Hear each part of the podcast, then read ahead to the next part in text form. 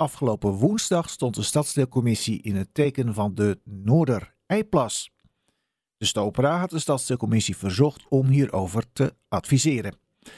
Verschillende leden van de stadsdeelcommissie hadden meegeschreven aan het advies en maar liefst vijf insprekers hadden zich gemeld. De meeste waren omwonenden die kritiek hadden op de manier waarop de Stopera nu te werk gaat. Want volgens inspreker Edwin van de Ketterij deugt de conclusie van de zogenaamde milieueffectrapportage niet. Hierin staat dat na grondig onderzoek is vastkomen te staan dat de windmolens geen grote overlast voor omwonenden zouden veroorzaken. En hij zei het zo. Het enige wat gedaan is, is dat er een aantal rekenmodellen losgelaten zijn op de Noordereindplas en omgeving, om het aantal ernstig gehinderden te berekenen voor hoorbaar geluid. Dus niks voldoende onderzocht. Dan laagfrequent geluid.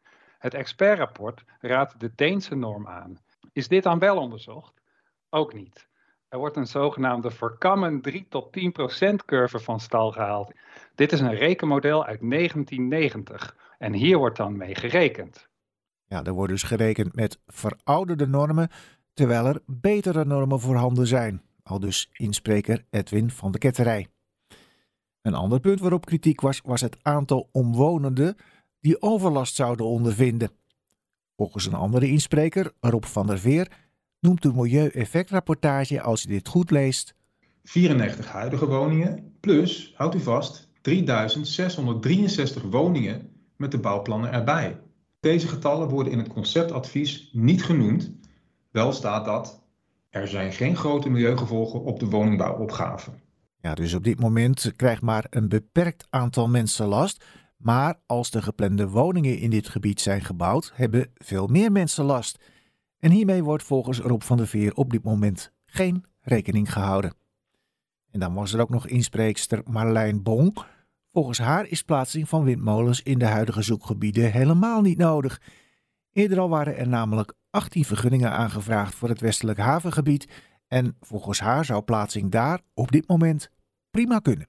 De 18 vergunningsaanvragen van de gemeente leveren met versoepelingen plus minus 52 megawatt op. Dus genoeg om alle windturbines rond de stad, inclusief de Nijp, overbodig te maken. Al dus inspreekster Marlijn Bong.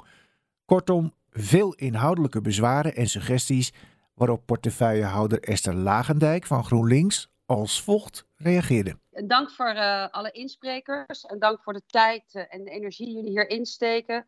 Ja, ik, ik, ik zat net even te kijken, moet ik op iedereen gaan reageren? Dan zijn, ben ik denk ik een uur verder. Nou ja, ik wil nog even in het algemeenheid dat er in de loop van tijd is er elke keer meebewogen met vragen die er zijn. Uh, dus het lijkt nu heel zwart-wit geschetst. Maar mijn ervaring is wel dat er behoorlijk um, uh, meebewogen is en elke keer opnieuw is gekeken. En daarbij ook het voortschrijdend inzichten, nieuwe onderzoeken die bovenkomen, dat die ook elke keer nieuwe normen, nieuwe, nou ja, nieuwe kennis die voorhanden is, dat er elke keer op meebewogen is. Uh, dat is mijn, wel mijn ervaring. Ja, dus geen inhoudelijke reactie, maar er wordt volgens Esther Lagendijk dus wel meebewogen. En daar konden de insprekers het mee doen. Hierna ging Lagendijk in op allerlei punten die in het advies van de stadsdeelcommissie werden genoemd. Zo wil ze bijvoorbeeld ook, nadat de molens zijn geplaatst, metingen laten doen naar de daadwerkelijke overlast die de molens veroorzaken. En om dit toe te lichten had ze een ambtenaar meegenomen die dit als volgt toelichtte. En ons voorstel is om daar voorschrift op te nemen dat er gedurende drie maanden metingen gedaan moeten worden. Uh, permanente geluidsmetingen, zowel bij de turbine als bij woningen. Want dan kan je heel goed zien wat de geluidbelasting is. Um, en dat betekent ook op het moment dat er in die periode overschrijding is, dat er gehandhaafd uh, gaat worden.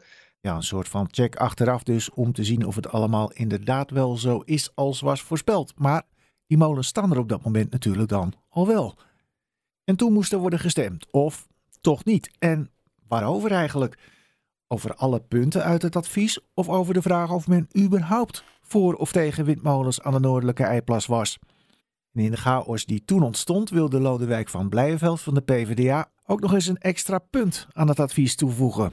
Start met de kennis en gegevens die er nu liggen. Een wederzijds zorgvuldig proces van participatie en dialoog. En zorg dat dat open en transparant is.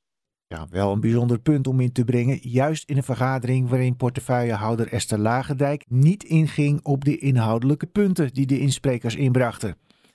Maar goed, uiteindelijk werd besloten om per punt te gaan stemmen en de vraag of men überhaupt voor of tegen was, maar even in het midden te laten.